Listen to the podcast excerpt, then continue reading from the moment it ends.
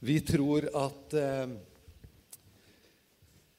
Vi tror egentlig at alle som eh, sitter i den salen her, sitter på gull. Sitter på historier. Og sitter også på eh, farge, lukt. Eh, Sjatteringer av evangeliet som eh, danner et eh, helhetlig bilde av hvem Jesus er, og hva evangeliet gjør.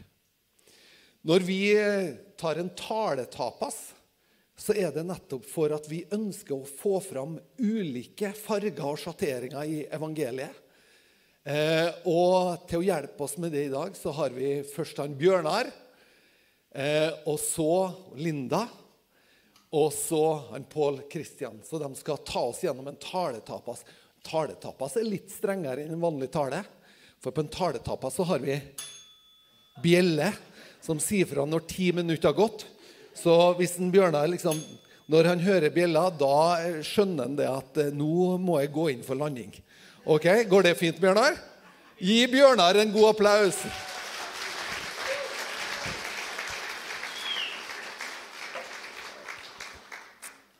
Blir kanskje lapskaus fra meg i den der tapasen, men eh, jeg er en gammel bestefar, vet du, vet ikke hva tapas er. Men eh, Nei, ja, det er nok smart av Annika her nå og Erlend. Hvis det er feil, så er det to igjen som kan treffe. da. Det er sånn helgardering her. Så det skal komme noe god mat til dere i løpet av denne timen her. Og det var utrolig sterkt å høre historien om livet og Jesus her på forhånd. Og vi har en eh, fantastisk eh, utrolig god herre, Jesus, altså, som eh, Vi er så privilegert som kristne altså, som har Jesus Kristus. At han har funnet oss, ført oss inn, inn i sin favn. Altså. Vi skal snakke om det å nå ut. Og, og det er det jeg håper at jeg kan få formidle litt. Hvor, hvor høyt Gud elsker oss altså, virkelig. Og Trøndelag og Trondheim og, og verden. Altså. Han høy, elsker oss så høyt. Så eh, Derfor så, så, tror jeg at vi, vi, må bare nå ut enda mer. Og jeg tror det er en god ny tid for å se at Jesus beveger seg i Trondheim på nytt igjen. Arne Ivar, hei. vi har jobba mye sammen på Sørum og sett mye av Gud. Men la oss se enda mer i den tida som ligger foran. Halleluja. Det det er så utrolig godt å vite at det er en Gud som bryr seg om oss i alle ting. Vi kjenner jo alle misjonsbefalinger. Det kommer sikkert de andre bukkene Bruse til å fortelle om òg. de tre bukkene Bruse. Matteus 28, Markus 16. Eh, men for å begynne med starten, når jeg kom inn Husker Arne Ivar, det var du som tok, tok, imot meg. Da var jeg jo en ufrelst synder. Kom inn og jeg tenkte en mann i dress der. Hva er det her slags gjeng? liksom? Det var noen som dro meg inn i Guds, gudshuset. Tenk, hva er det? De hopper og spretter. Hva er det slags gjeng? Og jeg skjønte ingenting av det budskapet til Arne Bakken. Jeg tenkte, men, ja. men jeg så det var et eller annet med den der som de hadde. Og det, vi har faktisk noe, folkens. Uavhengig av eh, hvordan vi føler oss, så er Herren der inne. Han er det. Og eh, Jeg sjøl kjente jo til Gud som barn, men dessverre forlot han i ungdomstida. og Han var bare fjern, distansert, levde i mørket. Men jeg bestemte meg jeg skal ta en sjanse til neste møte. Da, de, da gikk jeg inn. Og eh, også da budskapet og alt var veldig fjernt. Men det var åtte fra et senter i Oslo som hadde opplevd Jesus. Og jeg så bare den gleden og den freden de har. Det der må jeg ha. Så jeg stabba meg fram eh, etter, på ettermøtet. Da, og de la hendene på meg og ba, og jeg kjente jo Jesu blod. Det er sånn merkelig fysisk rensa mitt indre. da. Og ble helt ren, og det var liksom 30 kilo som letta vekk. Så eh, jeg bare husker jeg sykla fra det møtet. Ja, De sa til meg 'Nå er du frelst'. Frelst, tenkte jeg. Hva er det? Frelst? Ja, Du må komme på møte. Nei, nå har jeg jo bare, nå har jeg fått det jeg har lengta etter livet mitt. Jeg har jo kommet hjem, følte jeg. Så glem de kristne, men heldigvis de drog meg inn. da. Og Jeg sykla fra Tyholt på vinteren. der Jeg, jeg datt mange ganger ned til hybelen. Det spilte ingen rolle. Sånn kan det jo være, og det er jo ikke alltid det er sånn. Det, er jo, du skjønner det, det, det fins forskjellige erfaringer, men det er ikke det som frelser. Det er ordet om korset. Det er evangeliet som er så sterkt. Det at Jesus kommer oss i møte og, og bare møter oss etter vår lengsel. Da. Jeg hadde jo egentlig søkt etter meninga med livet lenge før det her. da. Så det var på en måte, nå var jeg klar til å bare legge ned livet mitt. For jeg hadde, ville gjerne leve med begge, begge, en fot i, i begge leirer. da. Men så kommer det til et punkt du må bare OK, Jesus, du får, du får alt. Og man skjønner ikke så veldig mye av det i begynnelsen, men så kjenner du et liv på innsida som har starta der. Du har fått blanke ark, så vi har et godt budskap til å nå ut til folk. folk folkens, Vi må ikke skjemmes over Jesus. Han, han, må bare løftes enda høyere. Jeg har gjort det til tider, og jeg skjemmes etterpå. Men Herren er så god. Han bare tilgir oss. Som Peter. Han brukte de ufullkomne til dette oppdraget, og det er merkelig, egentlig. Jesus, hvorfor gjør du på denne måten liksom du bygger din kirke og skal frelse verden? Men evangeliet er Guds kraft til frelse. Uansett hvor skrøpelige vi er, så er hans kraft og hans ord det gjør, det gjør, at vi blir født på ny. Vi får kontakt med en person og ikke en religion eller masse læresetninger. Så eh, det er bare grunn. Kom igjen, Annika, har du? Har du? Må, og der, ok, klokka tolv. Fem minutter igjen. Jeg har så vidt begynt her. Det er jo 17 sider nedover. Nei. Nei da. Jeg har egentlig forandra budskap 17 ganger i løpet av de 17 dagene. Jeg, men Herren eh, fortaler noe. vet du. Men det som er så godt, bare løft opp Jesus. Da. Han gikk jo omkring og gjorde godt. Og det er det vi som menighet også tror vi skal gjøre. Vi er jo Jesu representant her. Vi skal gå rundt og gjøre godt. Helbrede alle som var underkava djevelen. De Apostelens gjerning 1038. Kjennetegnet på menigheten. altså. Frukten av menigheten, at vi gjør godt. Det gode budskap, står det. Det er et godt budskap. Halleluja. Det er det, vet du. Og så er det her, også Erlend var inne på, jeg har tenkt på det her, at vi skal gå langt. Langt ut.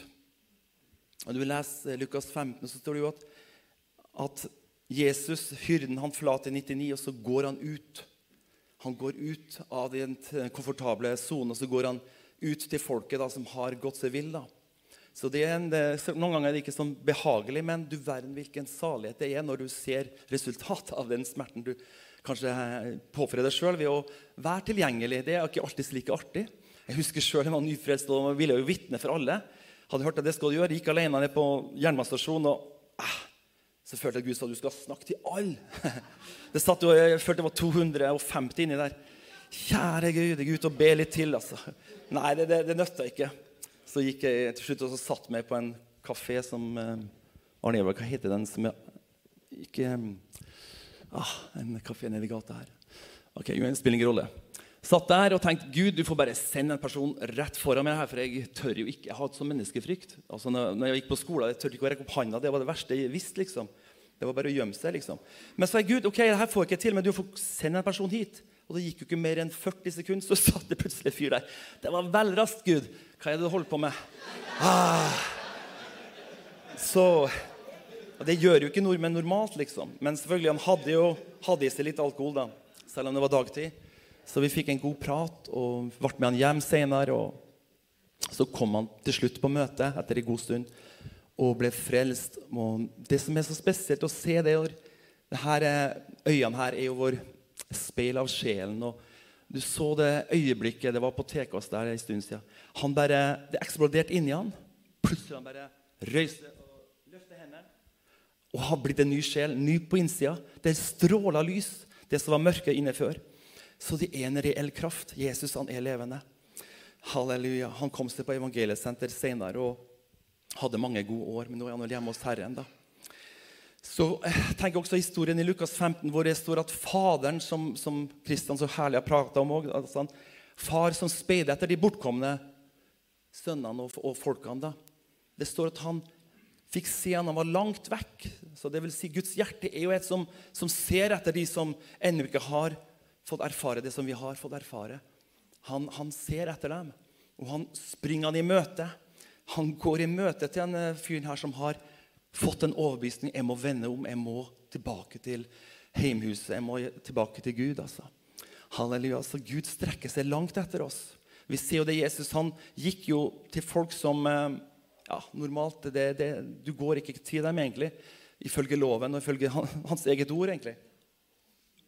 Så skulle han ikke vært der, men han var der. Det er en ny tid, det er en nådens tid. Det er en fantastisk tid vi skal gå i møte hvor Herren skal få lov til å På nytt så skal vi bare nærme hans, hans hjerte, som du snakker om. Vi skal gå inn for å gå ut. At Guds kjærlighet må treffe oss dypt, så vi på nytt blir berørt av den første kjærligheten. For vi kan ha masse program, og det må vi ha, som går, som går uke etter uke.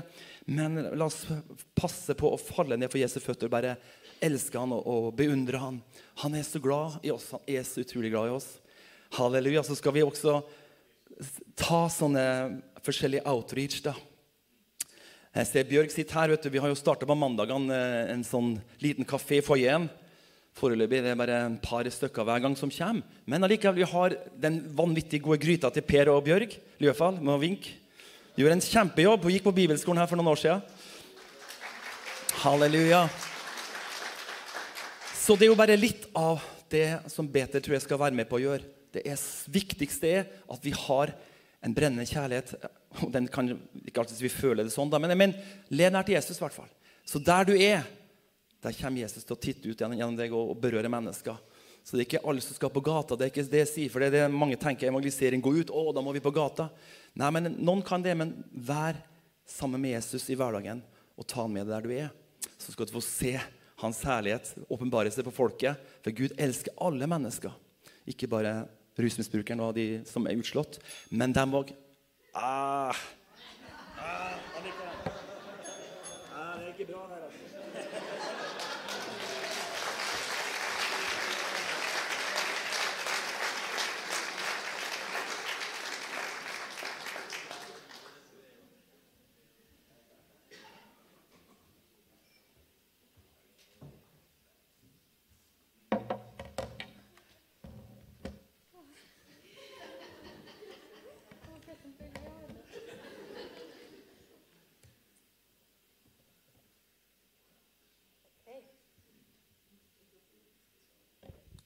Det blir jo skummelt.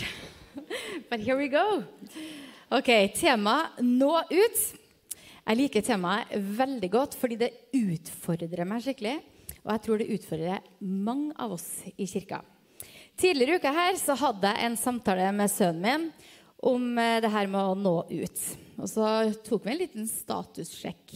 Får du nådd ut til dem du omgås? Og hvordan er det med meg? Og jeg er flink til å dele troen min med dem som jeg møter. Uh, og så hadde vi en fin samtale rundt det her, og han hadde noen gode betraktninger om det å være lys i mørket og en utstrakt hånd. Og så snakka vi om at det er kanskje de der samtalene med én og én som er de mest fruktbare og kanskje de viktige. Uh, ikke bare for at det er lettere å snakke om troen sin når vi er færre, men også for dem som ikke tror, til å spørre vanskelige spørsmål osv. Og, og så viser det seg jo gjerne at de som har tatt imot Jesus, har blitt leda av en venn. Og når vi satt og pratet om det her, så ble jeg liksom nå ut. da, Det ble liksom hengende over oss litt. Og så sa han, akkurat det som du sa i stad Mamma, hvorfor nå ut når det egentlig handler om å nå inn? Og Vi som har tatt imot Jesus, vi vet at evangeliet ikke er bare gode nyheter, men det er et livsviktig budskap for absolutt alle mennesker. Eller hva? Og dette budskapet det har jo blitt kalt til å forkynne for dem rundt oss og til hele verden.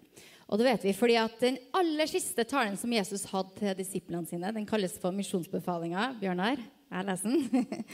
I Matteus 28, fra vers 18, der sier Jesus Meg er gitt all makt i himmel og på jord. Gå derfor ut og gjør alle folkeslag til mine disipler idet dere døper dem til Faderens og Sønnens og Den hellige ånds navn, og lærer dem å holde alt det jeg har befalt dere. Og se, jeg er med dere alle dager inn til verdens ende.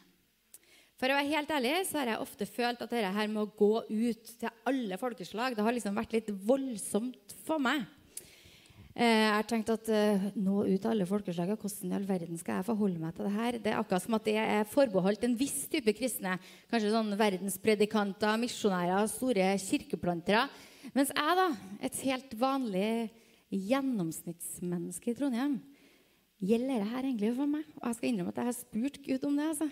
Gjelder det misjonsbefalinga for meg? Hvordan står det til med meg og den? liksom? Så akkurat som jeg hører Gud si ja, den gjelder jeg òg. Ja, men jeg bor i Trondheim. Jeg kjenner ikke på noe spesielt kaldt å flytte til andre sida av jorda. Nei, men jeg eh, tror du har et folkeslag rett utafor døra di. Ok, men eh, Hvordan står det til? Liksom, hvordan, har du gitt meg noen ting som jeg kan bruke da, i denne tida vi lever i nå, i mitt liv? Og da sier Gud til oss alle sammen at yes, han har en helt spesiell plan for oss alle sammen. For i Jeremia 1,5 så står det Før jeg formet deg i mors liv, kjente jeg deg, og før du ble født, helliget jeg deg. Det vil jo si at før noen av oss var til, så hadde Gud allerede tenkt ut en plan. Han hadde en plan og en tanke om vårt liv, vår tjeneste og vårt kall. Og så har jeg hengt meg opp i litt i at han har forma oss. Han har altså skreddersydd oss. Vi vet at ikke et menneske er likt. Jeg har fått en helt spesiell kombinasjon av gaver, talenter, evner, personlighet, karakter, temperament, farge. På lik linje med alle. Vi er alle sammen forskjellige. Og hvis jeg klarer å tenke ok, du har skapt meg sånn her, i den tida her, og for en hensikt. Ut ifra det verset her, så er det sånn jeg forstår det.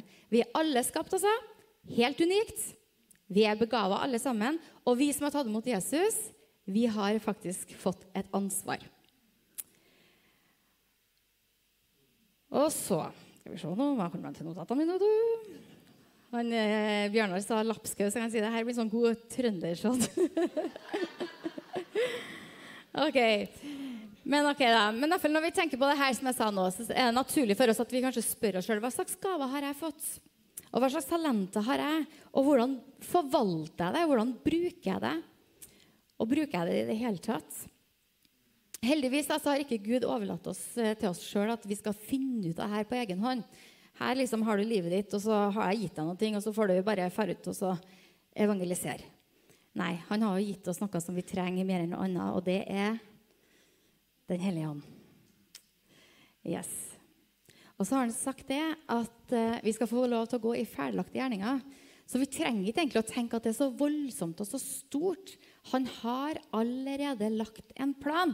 I Efeserne 2,10 så står det For vi er Hans verk, skapt av Kristus til gode gjerninger, som Gud på forhånd har lagt ferdig for at vi skal få gå inn i dem. Ergo, jeg trenger egentlig, Vi kan bare slappe av.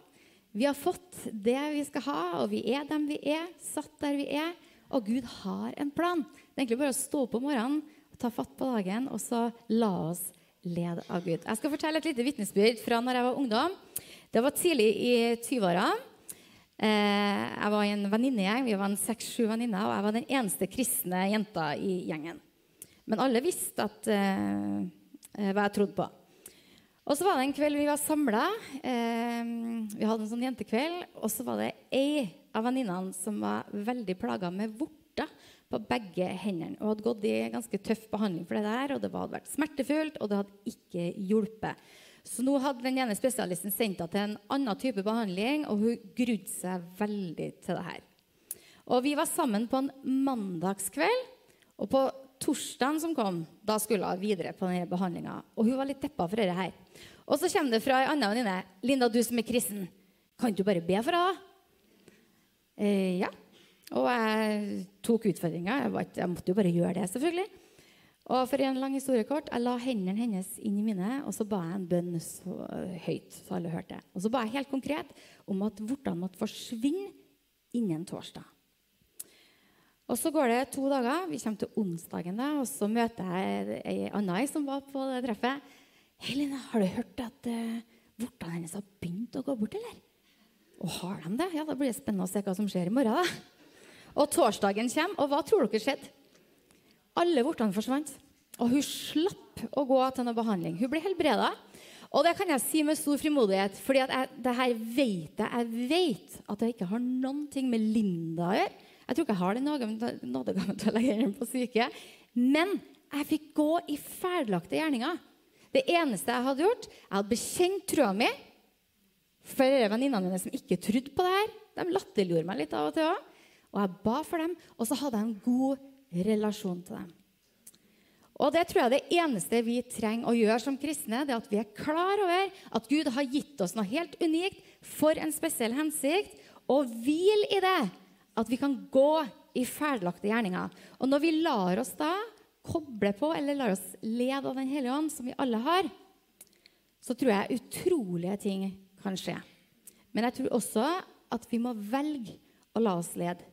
Det handler også om å bøye seg litt for Gud. Du er Gud, og alt det jeg har fått, det er ikke for at jeg skal skinne, men det er for at jeg skal dra folkene nærmere deg. Amen. Er man klokka nå? To minutter? Ok, Da skal jeg hoppe over en ting, og så går jeg videre til en som heter for Bjørn Sterk. Vokste opp i et kristent hjem, men han er ateist, debattant og forfatter, og han har skrevet et sted. Hør på det her. Har du funnet en tro som vil gjøre livet mitt bedre? Vis meg det.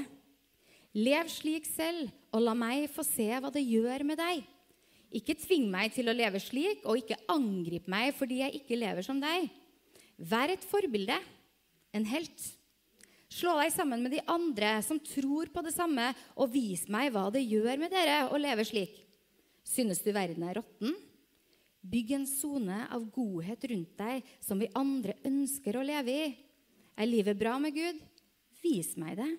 Ikke hør på de strenge sekularistene som sier at du skal legge igjen troen din når du går ut av døra om morgenen. Vis meg hvordan troen din er en naturlig del av livet ditt. Ikke dytt den på meg, men ikke gjem den bort heller. Da tenker jeg bare at den ikke er viktig for deg. Se på deg selv som en vandrende demonstrasjon av hva det kan gjøre med et menneske å ha Gud i livet sitt. Det er en fin oppfordring og synes jeg vi skal ta som en oppmuntring. Og kanskje er det tid for flere enn meg til å gjøre en liten statussjekk. Hvordan er det med oss? Vi liksom, er vi kobla på, og lar vi Den hellige ånd forlede oss? Kanskje jeg bare skal stoppe der, eller hva har jeg Å oh, ja, det var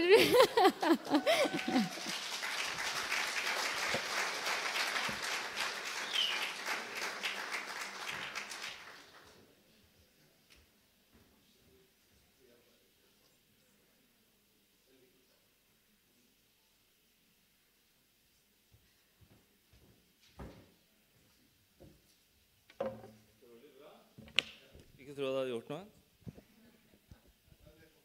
Veldig, veldig fint. Jeg må bare få starta opp her.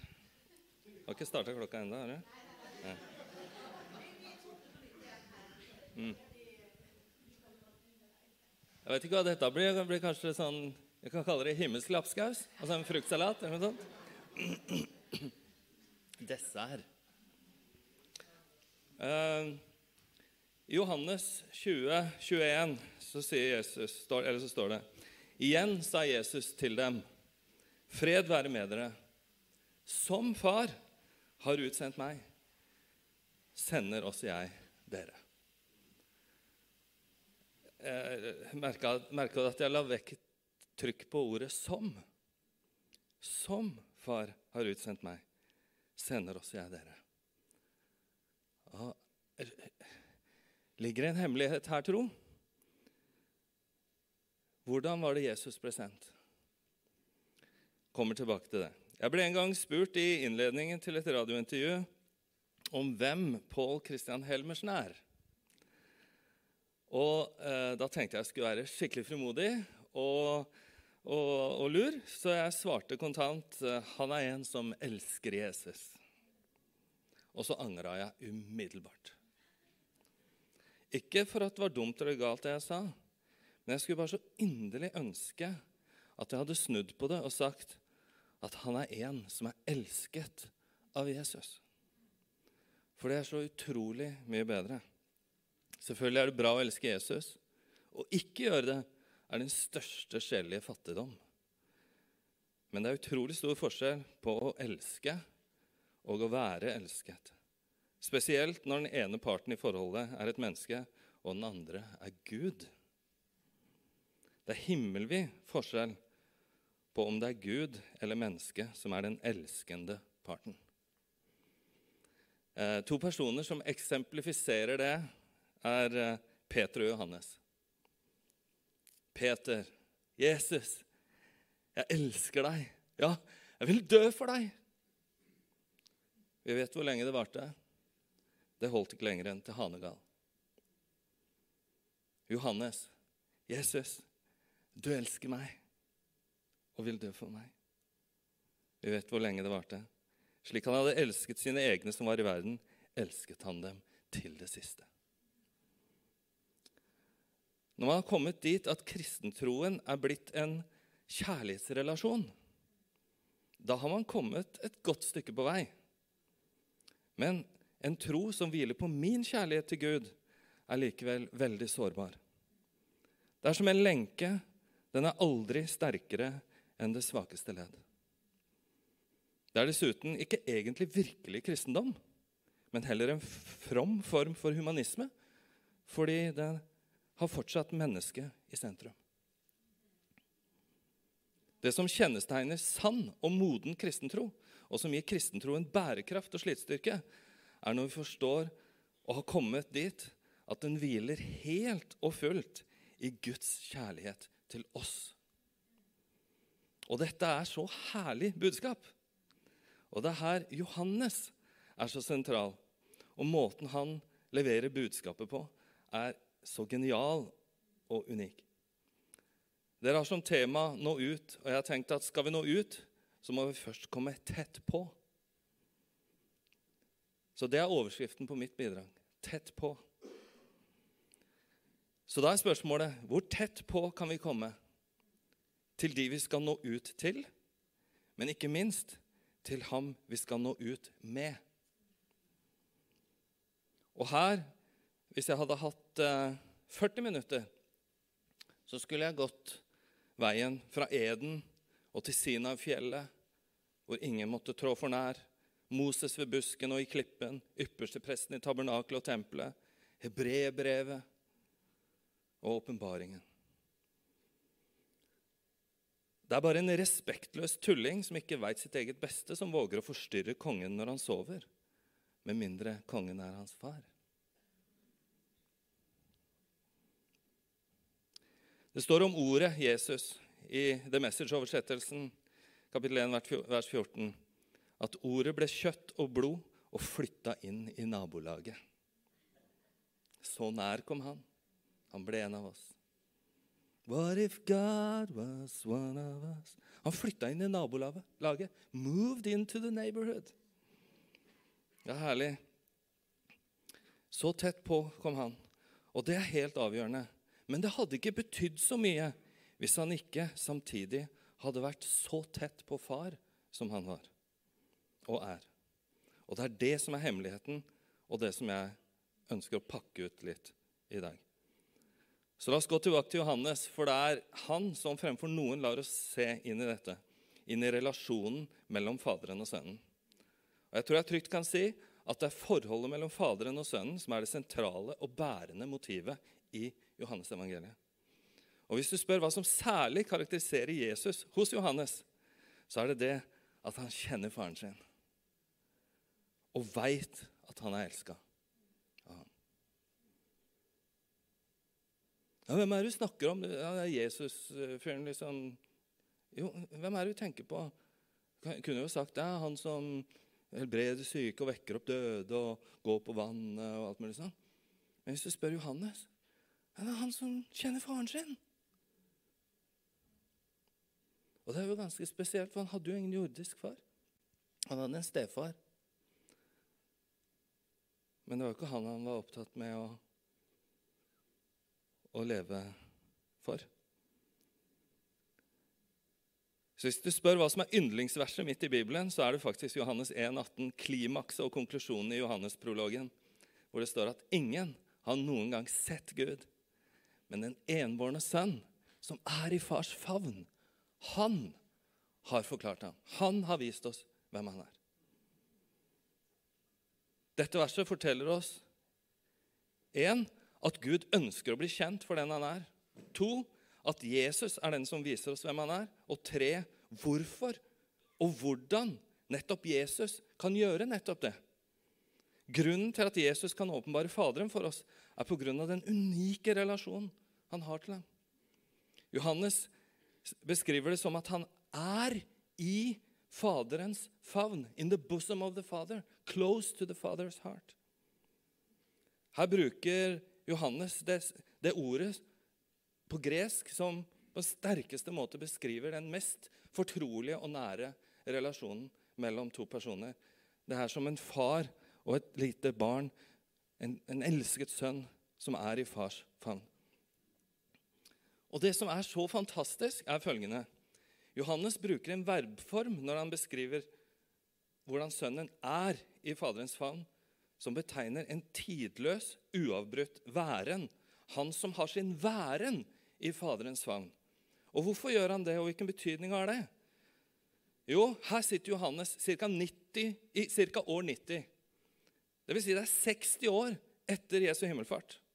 Alle de andre disiplene er døde. Han er den siste gjenlevende apostelen. Jerusalem er falt, tempelet ødelagt, Roma er brent, forfølgelsen er herjet. Alle de andre nytestamentlige skriftene er for lengst skrevet og er i bruk som hellig skrift i menighetene. Og så sitter den aldrende Johannes, disippelen som Jesus elsket, og kjenner at han vil bidra med sitt unike perspektiv. Han vil vise hvordan Jesus ikke bare var i himmelen i skrivende stund i år 90, ikke sant, 60 år etter himmelfarten, og heller ikke bare var der før inkarnasjonen. I begynnelsen var Ordet, og Ordet var hos Gud. Ordet var Gud. Han var i begynnelsen hos Gud.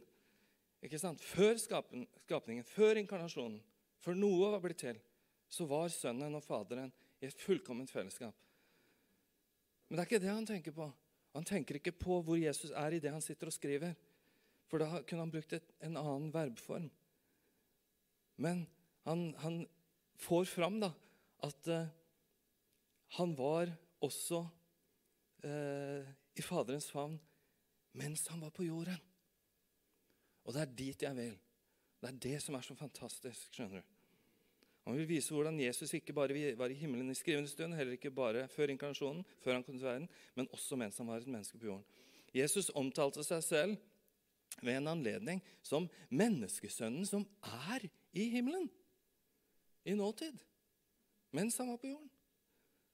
Så når Johannes beskriver Jesus som den enbårne sønnen som er i Faderens favn, så var det sant om, både, om, Jesus både før, etter og under jordlivet.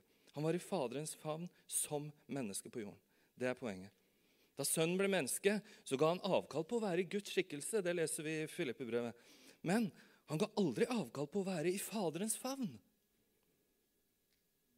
Det var det som var Jesus' store hemmelighet. Han var og visste at han var Guds elskede også mens han var på jorden.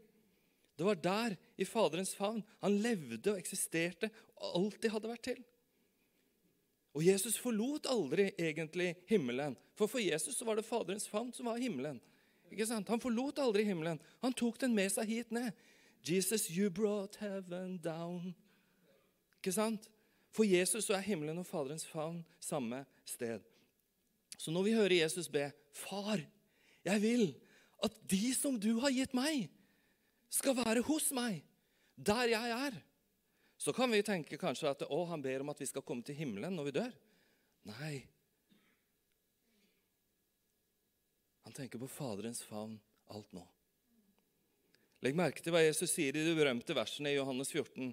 Jeg er veien, sannheten og livet. Ingen kommer til himmelen uten ved meg. Det er et veldig kjent vers, ikke sant? veldig kjent og kjært, og veldig feilsitert, sånn som jeg gjorde nå. Jeg vet ikke om du la merke til det. Det står ikke 'ingen kommer til himmelen uten ved meg'. Det står 'ingen kommer til Faderen uten ved meg'. Og det er stor forskjell på et sted og en person. Og hva er det Jesus er interessert i? Han er selvfølgelig interessert i at himmelen skal bli vår evige bestemmelse. Men det er ikke det han snakker om her. Han snakker om en person. Og han sier, 'Hadde dere kjent meg, så hadde dere kjent min far'. Hvis vi bare hadde lest litt videre. ikke sant? Det er det som kommer etterpå. Så det Jesus er opptatt med, er å, å ta oss med til far. Og at vi gjennom han kan lære å kjenne Gud som far. Det er det Gud ønsker for oss, og det kan kun skje, skje gjennom Sønnen. Johannes tegner et bilde av Jesus som den elskede sønnen tett ved Faderens hjerte. Og det er ingen andre som har den plassen. Ingen andre som kjenner Gud på den måten. Like lite som noen andre enn du og dine eventuelle søsken som kjenner din far som far. Har du mange søsken, Erlend? To?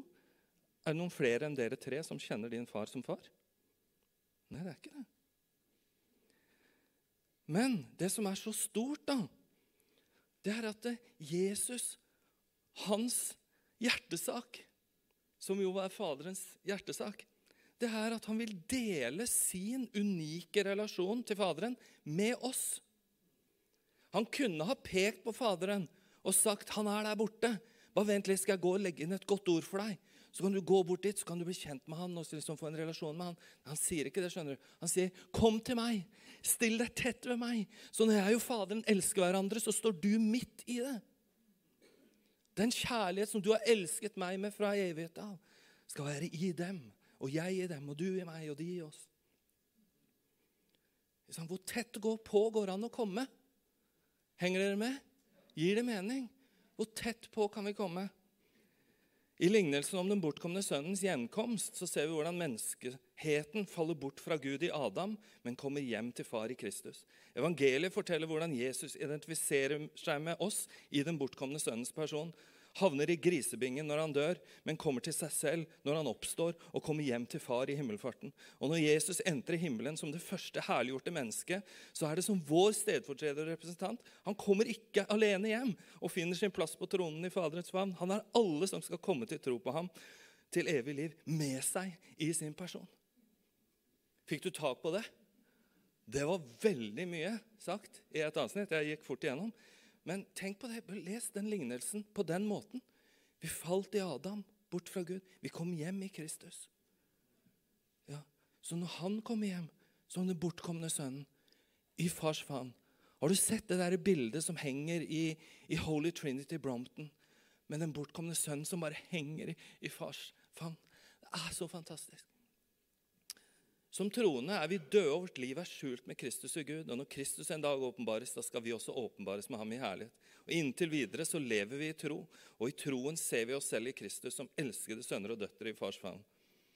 Og når Johannes skriver seg selv inn i sitt evangelium som den elskede disippelen som lente seg mot Jesu bryst, ja, da plasserer jo han seg sjøl i forhold til Jesus på nøyaktig den måten han plasserer Sønnen i forhold til Faderen. Så plasserer han seg sjøl i forhold til Jesus på samme måten. Og det gjør han som et forbilde for oss. Og det er derfor han skriver sitt evangelium. For, for at vi skal gjøre som han. Lene oss til Jesu bryst i Faderens favn. Og finne vår plass der. Og, og, finne vår væren der. Og ha det som vår livsvære. Og, og ikke leve for å få pappa til å smile, men leve ut ifra hans kjærlige favn. Og der er det godt å leve. Var det ti minutter nå? Var det 15? Å, nå har jeg juksa. Jeg trodde du skulle si 10, og så skulle jeg få fem ekstra. Og så lot det bli 15, og så har jeg ikke noe ekstra. Ja, men ok, Jeg skal bare avslutte med å fortelle at en gang da Sara, yngstejenta mi, skulle på skolen, og jeg ga henne en god klem rett etter at jeg hadde barbert meg, så sa hun de uforglemmelige ordene. Å nei! Nå kommer det til å lukte pappa av meg hele dagen! Når vi kommer nær nok til at vi alltid kan oppleve klemmen, så vil vi ta med oss duften av Guds kjærlighet og nåde overalt hvor vi går. Det vil lukte pappa av oss hele dagen. Er det noe bedre enn det? Nei. Og, og jeg mener, vi, for å gjøre det veldig praktisk, vi må leve åpne liv. Vi må la verden få kjenne, vi må la barna våre i hjemmet vårt få kjenne at vi lever åpne liv, at vi lever i fars favn. Det, det, det, var det mest dyrebare Jesus brakte med seg til verden. Det var det han døde på korset for å, for å, oppnå. Det var for å dele og åpne sitt gudsliv, sin relasjon med far, for oss. Og det må vi gjøre for de omkring oss. Våre barn, vår familie, vår neste. Da må vi bare komme tett på Gud og våge å være tett på. Så skal det lukte pappa av oss hele dagen. Amen. Kan jeg få avslutte med et dikt? Den ene. Hos meg blir du aldri glemt eller valgt bort. Aldri forkastet, avvist og gjort uvesentlig, usynlig, ubetydelig, forlatt, uønsket, oversett, misbrukt, hatt. Hos meg er du alltid elsket for nettopp den du er. Ikke for noe du gjør eller la være. Ikke for den du var eller vil bli. Ikke på tross av, men fordi Jeg kunne ikke utstå tanken på en himmel uten deg. Så jeg kledde meg i støv og jord og lot døden få sin vei. Og ut av døden rekker selve livet deg sin hånd, kysser ømt ditt hjerte og omfavner din ånd, så din sorgtunge, sønderknuste sjel får kjenne seg sett og bli hel. Min lengsel er nå at du tør å la deg elske, tror er ønsket, valgt og villet som menneske. For samme hva du selv eller andre måtte mene, for meg er du den ene.